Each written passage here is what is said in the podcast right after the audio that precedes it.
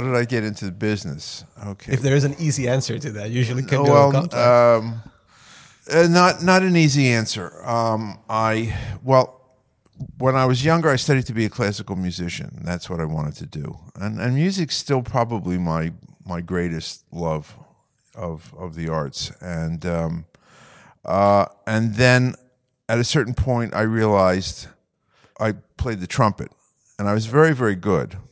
Uh, but there were certain people who were just put on this earth to play the trumpet. You know, it's like you're a really good tennis player, and then there's you know there's uh, you know the greats, and you're going to be 50 in the world maybe, which is pretty good, but you're not going to be Yeah, right. in the top 10. and trumpet's hard. Trumpet That's is hard. It's very hard.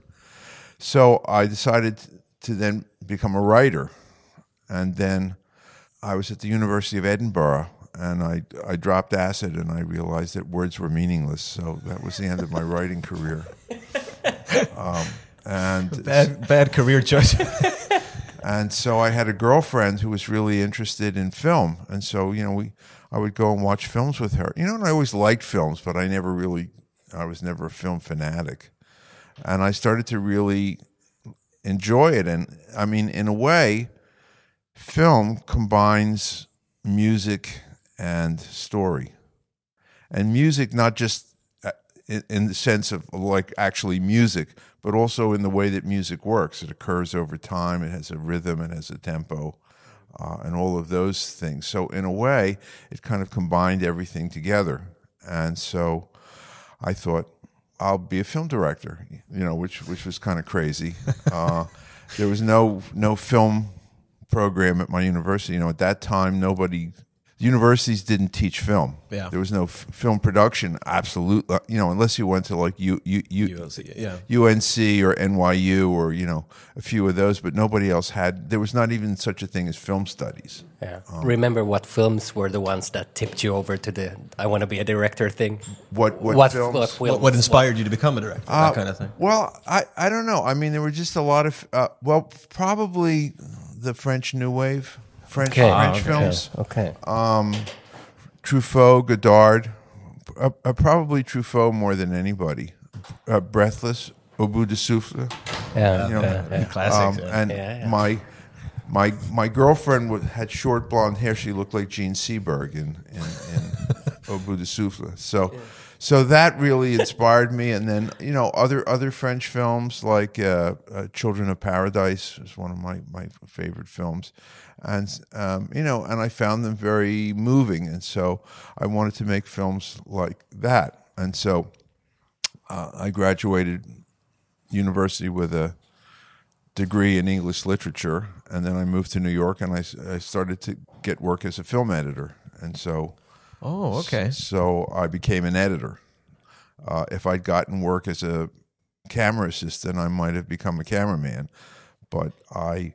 It just so happened that I got some work as an editor, and it also happened that I was perfectly suited to becoming an editor. Most good editors have a musical background.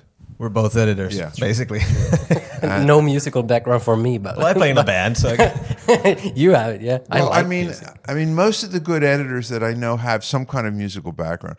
Usually, they've played an instrument, but if not, they're really into music because you you need to have that sense of inherent sense of, of rhythm and timing and also you know music has a microstructure you know beat to beat measure to measure and then a macro structure of you know the whole structure of, of a song or a movement of a symphony or or something like like like that. So so I was very well suited to that, and um, and and I had made some films in while I was in in university, um, not knowing anything about how to make a film, not knowing anything about how to use any of this equipment. Um, you know, I just ordered it and had it sent from New York. I had a moviola sent to me. I had no idea how to use a moviola. I, I knew that somehow you put the film in the moviola and it came out the other end in sync, which it, Yeah. it wasn't quite that easy. Um, and uh, the normal route to be an editor is you, you get a job as an apprentice in, in somebody's editing room, and then you move up and you become an assistant, and then finally, after five or six or seven years, you you become an you know the editor. You form a relationship with the editor, and then the editor has a film and they they can't do it, and they say, you know, why don't you hire Jack? I think he's he's he's Right, really yeah. ready. But I just started editing, so I. I really didn't know that much about how to edit, but I, I had an instinct Right, yeah. for how it was supposed to look. So, you know, maybe I didn't know how to get there directly, but I would always know when it, when it wasn't right and when it when it felt right. No, but that makes sense. I mean, sorry, I'm taking all the Yeah, questions. no, no, it's fine. But I feel like because I, I went into through editing as well. In our school, editing was kind of a small thing. You had to choose mm. photographer or whatever, but photography and editing was in one. Didn't get much attention, oh. so you had to kind of do everything just to get enough points to get out of school. But I find that even to this day. It's un- such an unknown art to edit. You do it by feeling. You watch something and then you stop, and something felt wrong, and then you go back and start Yeah. analyzing what it is. There's not much of a science to it yet. So Yeah, well, editors are, are really kind of the intellectuals of the filmmaking world. yeah. Well, I mean, the writers are really the intellectuals, but I mean, that's really where the film is made. Yeah. And, and editing is something, you know, people will look at a film and say, oh, the photography is so beautiful or the music is so great. Nobody, very few people say, oh, the editing is so great. But the editing is really what it's all about in, in a lot of ways. I mean, you know, in the, in the, uh, the early Russian filmmakers, you know, the, the great ones, Eisenstein and Pudovkin and Dovzhenko, you know, they all said that the essence of what cinema was about was the editing. they basically figured editing out. I mean, Yeah, yeah. I mean, they they kind of uh, uh, the Kuleshov effect, you know. Yeah, yeah. Um, when you think about it, the Kuleshov effect is is is the the the essence of how film works. So, for your audience who may not know what the Kuleshov effect is, so so Kuleshov was a, a, a Russian director and also a, a theoretician and a, and a teacher of film, and he shot this this thing where he had this this elderly Russian actor, an old guy with a, with a beard, and he he just shot his face, and then he intercut it with different things. So he intercut it with looking at a, a plate of food, uh, looking at a baby, um, a dead uh, a person in a in a casket. So he would cut from the same face to the casket and, and show it to people and they say oh he looks very sad and then they cut to a plate of food and then they say oh he looks hungry so what it means is that the context of what you see is based on what you cut to so for instance he would shoot a scene where someone was walking down the street in moscow and they would look up and he would cut to a shot of the empire state building Yeah. and it would look like he's looking at the Empire Exactly, State yeah. Building. And this is the language of of cinema. So for someone who's never seen a film, someone would look over and it would cut to a bowl of soup and it would cut back to them and they would have no idea what that meant. But eh, but everybody everybody who's grown up watching films knows, oh, he's thinking about soup. So this is how you show how how people think. Yeah. Right? I mean Hitchcock said bad directors show people talking, good directors show people thinking. Right. Yeah. So that's that's kind of how it works. Anyway, so so I started editing, and and um, early on, a friend of mine said, "Oh, there's this little film distribution company uh, that that my girlfriend is working for. Um, maybe they'll distribute one of your short films that I made in college." So I called them up. It was called New Line Cinema. So I called up New Line Cinema. I called, and I spoke to Bob Shaye, who was the head of the company. There were you know there were four people who worked there. Uh, and and I said, "Will you look at my film?" He said, "Okay, drop it off." So I dropped it off, and a few weeks later, he called me back and said, "Why don't you come down and pick up your film?" And so I came down and I met him, and he said, "Well, I liked your film, but you know, we really don't need any more short films. You know, there's." Uh, and I said, "Okay." And and as I was about to leave, he said, "By the way, do you know anyone who can cut a trailer?" And I said, "Yeah, me." I, I'd never cut a trailer, and I'd, I'd been editing, I guess, about six months or something. But he said, oh, okay. And so we, um, you know, at that point, you know, you couldn't edit on your laptop or your phone. You know, you had to have all this equipment uh, that was expensive. So we rented somebody's editing room starting Friday night when they left for the weekend, and we just went in and we we left at like six o'clock in the morning on on Monday morning. You know, we just worked straight through, and we had a trailer, and we became really good friends. And so he he sort of adopted me. You know, I had no money, and he had he was relatively well off, and so he he kind of I became like part of his family. You know, I would uh, have dinner with him and his wife Swedish wife every, you know, two or three times a week. You know, holidays I would Yeah. do whatever they were doing, and and anytime they had any kind of editing needs, I would I would do that. You know, gradually my editing career sort of picked up, but in between other work, I would cut a trailer, or I would recut a film, or I would put the titles on, or you know whatever sort of editorial work they needed, and also he would use me as a sounding board. You know, if he if he had a film and he kind of wanted another opinion about you know what I, so he would screen the films for me, and I would say, well, here's so. Uh, I was one of the first people to see, I guess, Pink Flamingos that he that, that he distributed. He's Jack, you got to see this film. You won't you won't believe this. I said, yeah, pretty pretty cool. You know, uh, Werner Herzog's first film, um, and you know, lot lot lots of others. And so, I I was writing f- films, writing feature scripts while I was editing, and and I made some some short films. I I met up with a guy who wanted to be a film producer, and he was a- able to raise money. So I made a couple of short films, uh, you know, 20, 20 to 30 minutes. And uh, so I became 25, uh, and then I was 26. So Orson Welles directed uh, Citizen Kane when he was 25. Yeah. And so 25 came and went.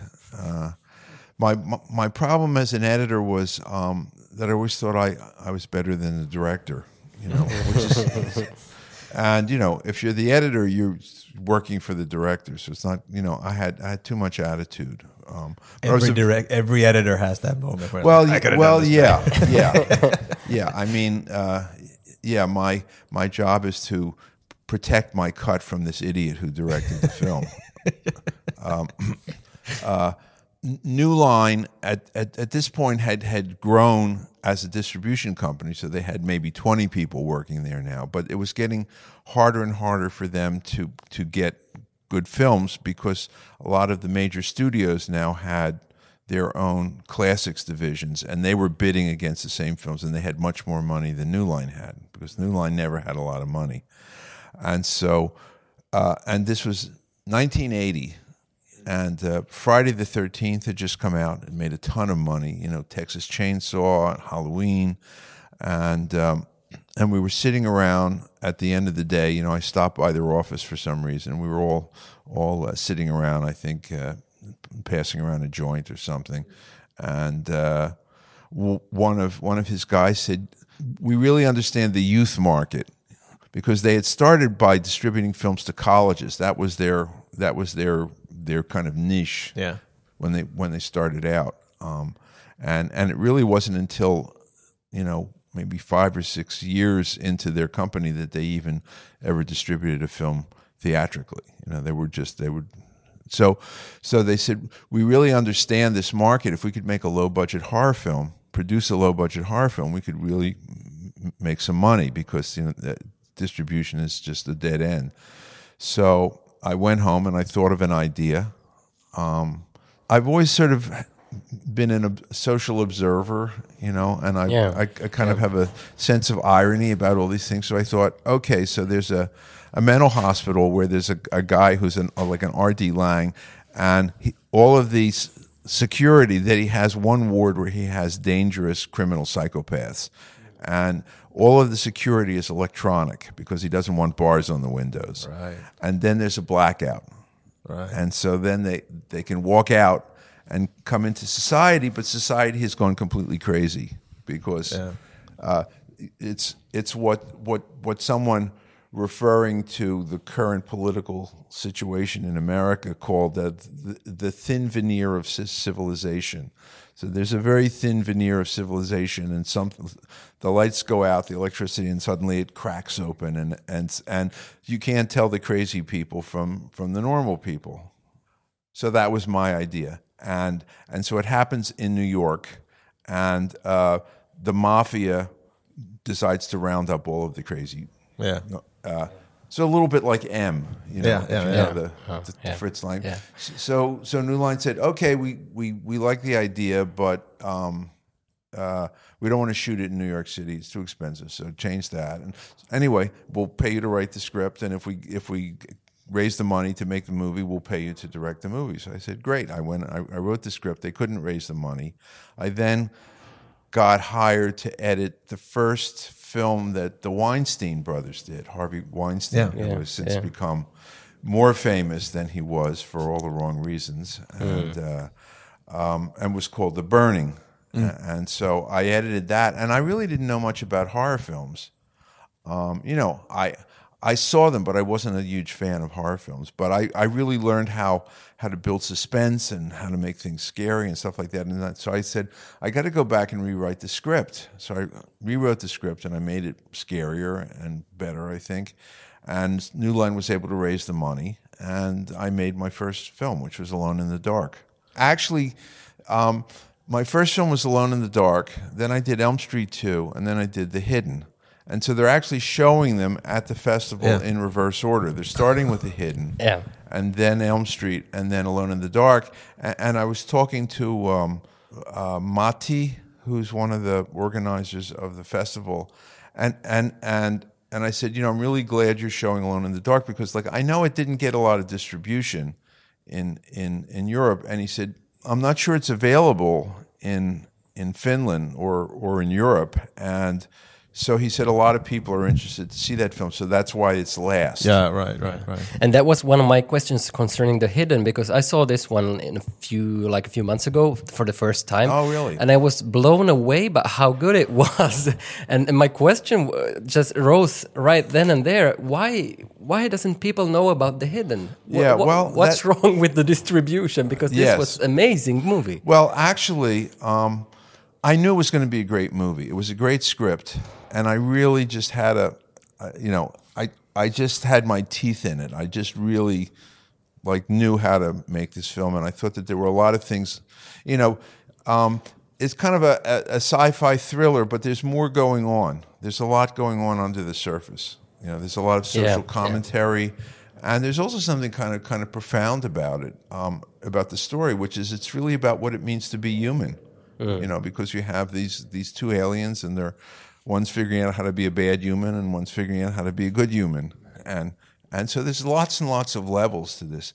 Uh, and when I finished the film, we we tested it, and um, it went through the roof. You know, it had numbers like you know huge hit films uh, in in terms of uh, audience response, and I mean we opened, and everybody thought it was going to be a huge hit, and it just didn't find an audience. Maybe because um, you know Kyle MacLachlan and Michael Nouri were not enough of a draw.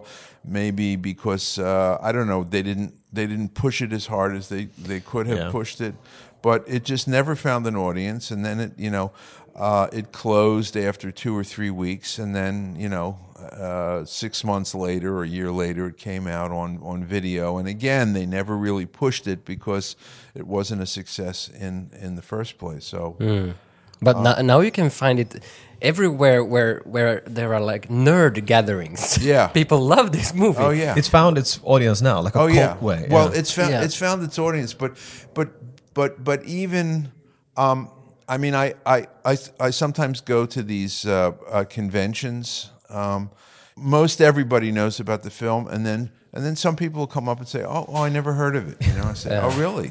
Well, I mean, uh, you know, you're a guy who's into genre films, and you've never, never Yeah, seen yeah. it. So Yeah, no, we were surprised because we, by doing this podcast, we've homed in on this kind of these kind of movies, and we're really surprised. Like, with oh, this is probably something small. And I was like, no, this this is odd how this has gone past our radar. Yeah. Speaking of MacLachlan, the cast is amazing. Like, there's so many faces, many faces that I can't know by name, but oh, that guy, that guy, that Yeah. guy, like just a massive cast. But MacLachlan is the one that really stood out for me. yes. How did he end up in this movie? Well, um, very often a film is dependent on casting. So, Yeah. in other words, the film's not greenlit unless you get, you know, a certain level of casting. And I've I've I've been involved.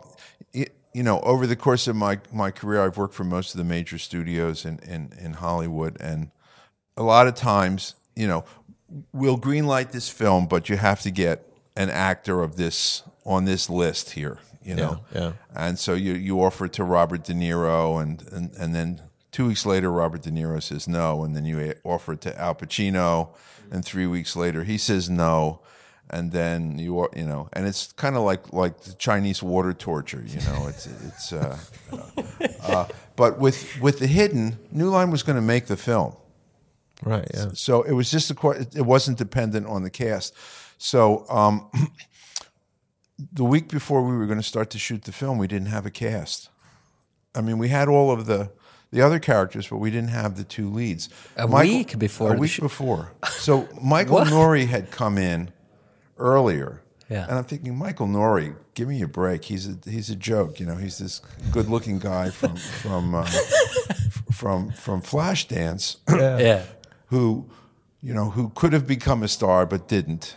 And you know, he's kind of like a pretty boy. But he, I had another actor that I was interested in to play Kyle's part, and he happened to be there. So I thought, well, let me let me bring Nouri in and let him read against this other guy who I really like. And Nouri was was really really good, and and then we continued to see actors. We continued to see actors for for Kyle's part, and we we didn't find anybody that we liked. So finally, it was like we're starting to shoot on Monday. We really got to cast these parts.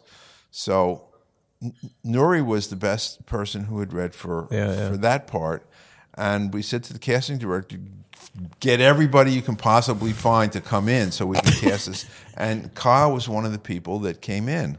So I think he came in like on a Tuesday, and we were shooting the following Monday, and and I I really liked him. New Line, New Line was on the fence. They they thought he was good.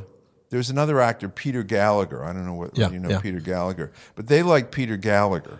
You know, Oh. and uh, and they thought that that Kyle looked too. He didn't look strong enough to play the part. Yeah, part. yeah. And I said, well, that's what's so great about him, Yeah. because he doesn't look strong enough to play the part, but he does it. You know, and so that's it's more interesting when, I mean, Stallone. well, I mean, in his early days, he was vulnerable. You know, somebody could knock him out. You know, later on, nobody could knock him out, and then it's Yeah, less yeah. interesting. You know, um, so I think on like Thursday or Friday, you know, we had a big discussion, and and and they agreed to go along with casting Kyle. So that was how he got cast. you know. Wow. So yeah, it was just it wasn't like I've got to get Kyle MacLachlan No, for no, this yeah, yeah. part. And and the interesting thing is when I was shooting the film, I thought Michael Nouri was basically stealing the film from Kyle because Kyle was so quiet Yeah, yeah. and uh, reserved, and Nouri was a much bigger, louder part with a lot more dialogue, and and of course the interesting thing is when when when the film was edited together, it's really Kyle's film. Yeah. Yeah, I mean, yeah, Kyle. yeah. I mean, Nouri's good, but Kyle, uh, you know, and and and it's kind of the way films films work. Um, I, I uh, remember reading something, uh, a quote from from John Wayne, where where he said, you know, you got to get the other guy to, to do all the dialogue, and then you get yeah, Yeah. and and that's that's that's what the the star does. Yeah, yeah, the yeah. other guy says all the exposition. Yeah, yeah, yeah, right. You know. Yeah, but there's a lot more acting and subtle acting. Well, and, because you know what what I come to realize is is that the reaction is very often more important and more interesting than the action or the dialog Yeah. Mm-hmm, mm-hmm. Yeah. You know, yeah. it's because how you react to the to what's said is really what's interesting. So if I say you're one of the ugliest guys I've ever seen, so who's more interesting to look at at that point, me Right. or you? you want the response. Yeah. We want to see how you know how how, how you're going to respond, yeah. and even if your face is blank, per the Kuleshov effect, people are going to read Yeah. Yeah. into Yeah. oh he's pissed off, oh he thinks it's funny, oh he, you know, um, like I mean, was I joking? Was I was Exa- I yeah, being yeah. real? Was I being mean? Was I you know? Have you always been insecure about your looks, and now I've kind of Yeah, yeah. confirmed your worst? You know, there all of these these Yeah. these these things that happen. So and and and Kyle's reactions were so. I I normally don't like to talk to actors about their process. You know, it's like It's that's thing. Yeah. that's your business. I don't need to know. You know, keep that as your secret. I don't I don't need to know about that. Yeah. But but uh, toward the end of the film, he he told me something that I guess he had learned when he was studying acting about putting on a mask and then having all the emotions happen behind the mask, Right. Yeah. and that's really what he did. That says a lot about his acting, actually. yeah. and what he still does, like Yeah. Twin yeah. Peaks and everything. Yeah. is very yeah. much that. Yeah. Yeah. Uh, I have one final question about the music in this film because Ah, that was one of the things that struck me the most. The music when the metal starts playing, the because I'm a metal guy, I'm a rock Ah. guy, and when the metal comes in in a sci-fi world, that Ah. raises questions. Why metal and sci-fi? Yeah, you wouldn't. I would have. I was expecting a score. Like sci-fi is usually the Yeah. synthesizer. Well, okay. Well, there are two two parts to the music. Okay, so there's the there's the um, I guess it's called diegetic music, the actual music that plays Yeah. as as music, and then there's the the scoring. So, um, I didn't think at all about what what kind of music. I mean, in in the script, he likes metal Yeah. the the the bad alien likes because because the idea is you know he comes to Earth and it's like, hey, this is I can have a great time here. What are the cool things to, Right, yeah, yeah. to do that are bad? So hey, I can drive fast cars, hot women, Yeah. and metal music. You know all these things that are sort of uh, considered by Right, right, right.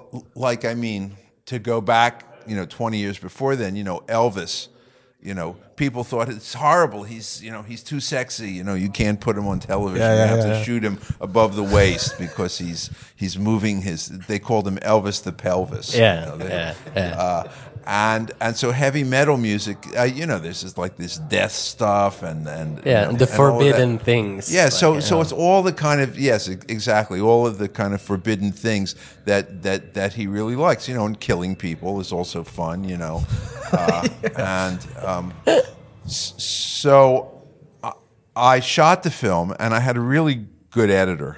Had a really uh, there was a guy that I just found. You know, being an editor myself, I I interviewed editors in L.A. Like in in New York, everybody had the attitude like the director's job is to fuck up my cut. you Yeah, know? yeah. But in L.A., the, the editors were much more. Sir, may I help you with your? Yeah, cut?" right. Yeah, you know, yeah, yeah, much yeah. more uh, accommodating. And so one of the questions I would ask is, well, if if we screened the dailies and I said I like take two, and you st- were editing and you like take three, what would you do? And most of them would say, well, I would use take three. Or, or, or, or, or, or I would use the take that you liked, or I would try to use the take that you liked. Mm. I hired the guy that said, I would just use the one that I thought was the best. And I said, okay, that's the guy that I want. right. Because, Uh, you know, as an editor, I'm kind of editing the film in my head as I'm shooting anyway. Exactly. Anyway, so so he was a really good at it. So when I looked at the first cut, he had put all this music in, and he had like you know he had really great you know music. It would have cost us you know a hundred thousand dollars to license all all the music Yeah, that he had yeah. put in, but. But basically, the kind of music that's in the film now, that's that's what he had. But he had, you know, all these big groups that were, you know, very very popular. Yeah, then. yeah. Yeah, And and so I loved what he did, um, and everybody loved it. But w- when it came time to actually finish the film, they said, "Okay, we need to get covers for all this."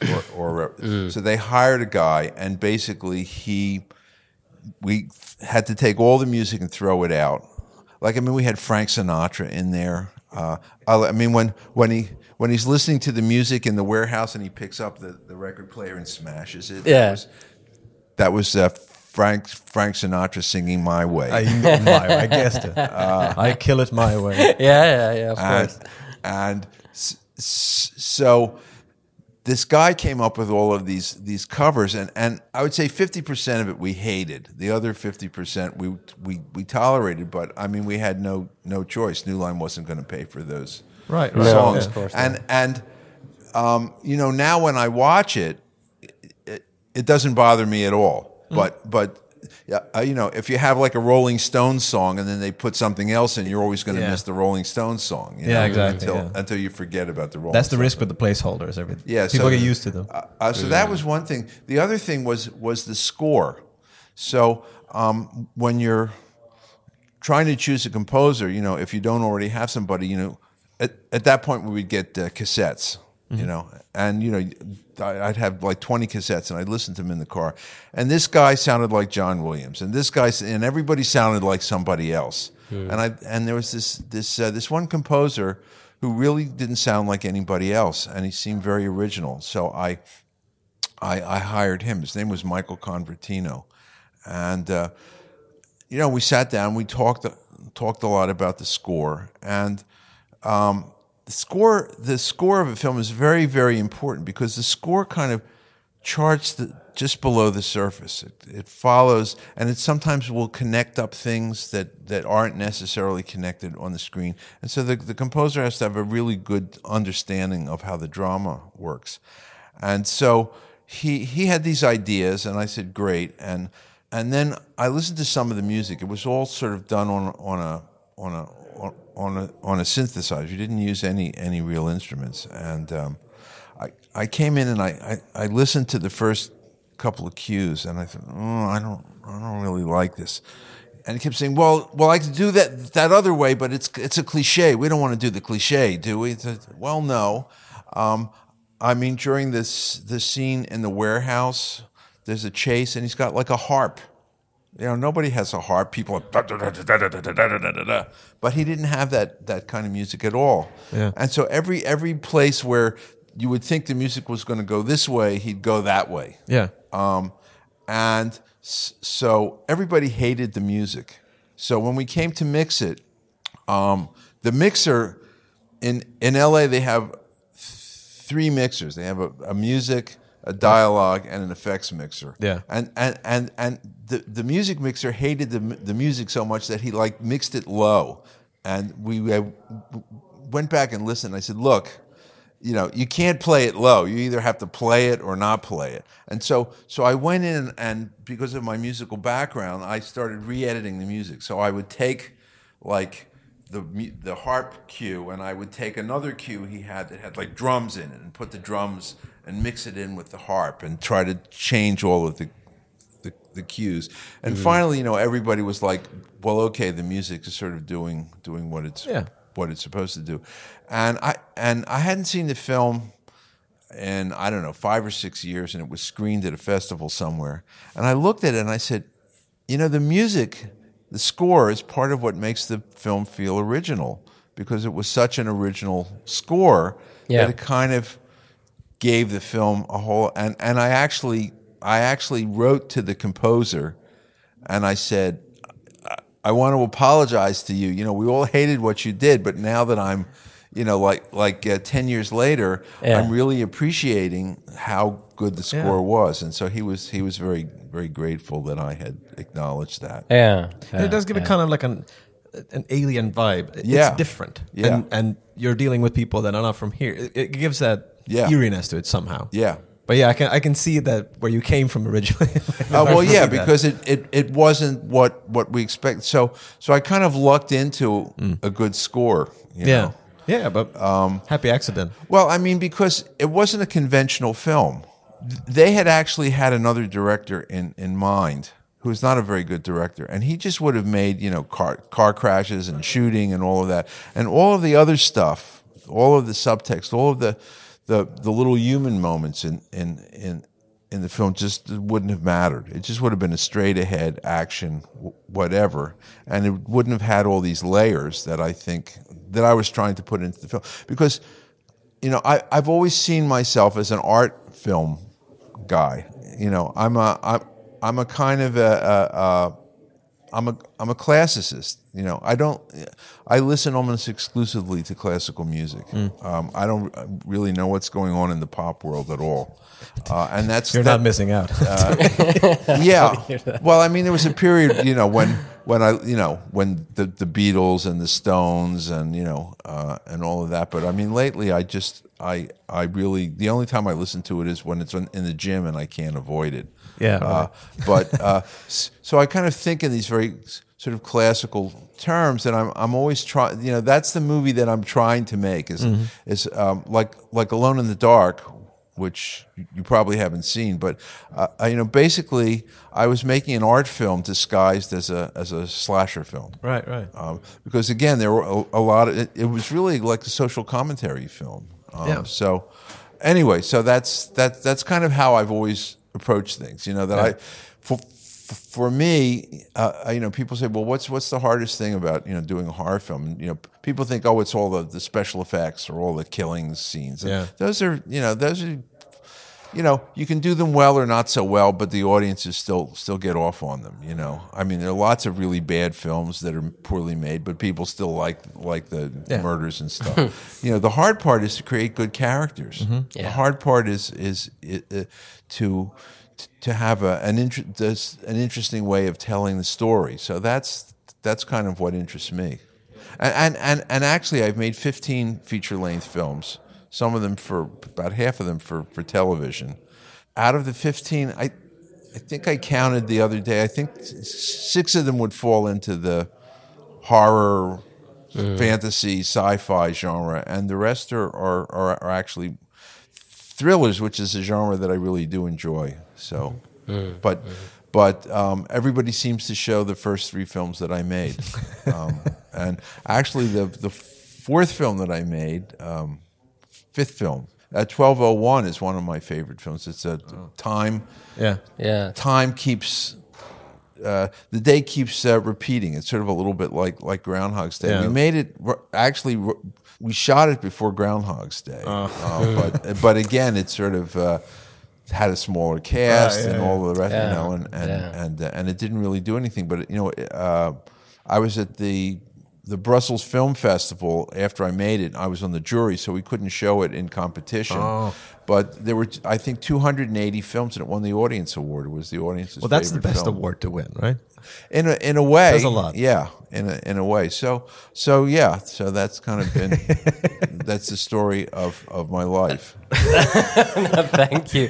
Thank I'm you. running out of time. I had all Right, kinds of questions, but In, Yeah, th- in this was a- 45 minutes. this was a great interview be- be- because lots of stuff, lots of interesting things, especially Yeah. like everything about the hidden. Now we know stuff because you can't find that much stuff about the hidden on the internet. It's kinda hidden. It's kind of hidden.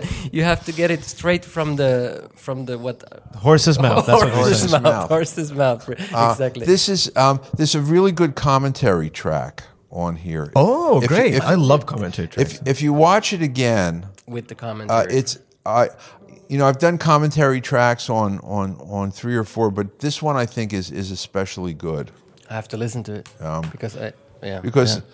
uh, really sort of talks. I I I don't know. It's it's it's just it's it's a, it's a very good commentary track. I think.